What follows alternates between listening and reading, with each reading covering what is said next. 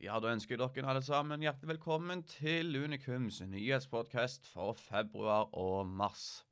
Mitt navn er Mathias Johannessen, og jeg skal være deres nyhetsvert for denne nyhetssendingen.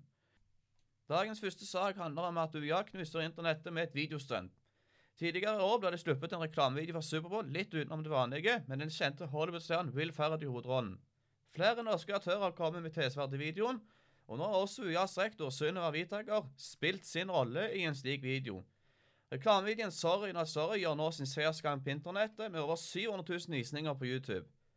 Hvitaker kan fortelle i et intervju med Unikums nyhetsredaktør Marte Holm at valget om å lage videoen bl.a. ble tatt fordi det er viktig å skape synlighet på universitetet internasjonalt og nasjonalt.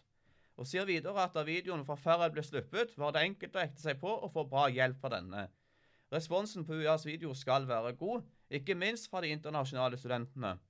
Men videoen også satt i gang diskusjoner som foreldrepermisjon og at Norge har gratis utdanning. Dette er noen av de temaene som har festet seg godt etter at denne videoen ble sluppet. Ta vare på sensualiteten er et budskap som sykepleier, sexologisk rådgiver, ph.d.-kandidat og universitetslektor i sexologi Anita Pølsen ønsker å belyse med sitt leserinnlegg i månedens unikum. I leseanlegget med den spenstige tittelen 'Hudkontakt, nærhet og onani under pandemien' oppfordrer Paulsen til å ta vare på sensualiteten. Paulsen skriver i sitt leseranlegg til de som av ulike årsaker ikke har noen å klemme akkurat nå, du trenger ikke legge all seksualitet og sensualitet på hylla. Paulsen kommer også med en rekke nyttige tips til enslige studenter i disse tider vi alle er inne i nå, som kan leses i månedens unikum. Mangler høyere utdanning tilstrekkelig vern for overgrepsofre? Det er et spørsmål som stilles i et portrettintervju i månedens unikum.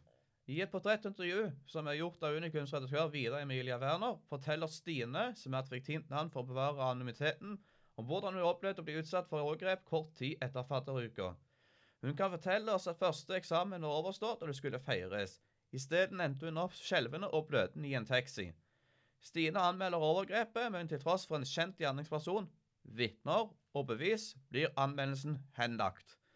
Stine kan fortelle om manglende imøtekommelse fra skolen, til tross for at enkelte ansatte var imøtekommende, forble hennes varsling gjennom skolens si ifra-funksjon uten respons. Studiesjefen ved den aktuelle skolen sier til Unikum at ansvaret de har gitt etter universitets- og høyskoleloven tas på alvor, men Norsk studentorganisasjons nestleder mener dagens lov har store svakheter når det kommer til studentenes rettigheter. Et forslag om endring av loven skal diskuteres av regjeringen senere i mars dette året. Til slutt vil jeg få meddele at Unikum er på utkikk etter en debattredaktør om det er noen som er interessert i dette. Så om du ønsker å bli en del av Unikum-teamet som debattredaktør, har du nå muligheten til det. Søknaden sendes til vår redaktør, og informasjon om stillingen kan du finne i månedens Unikum og på nettet.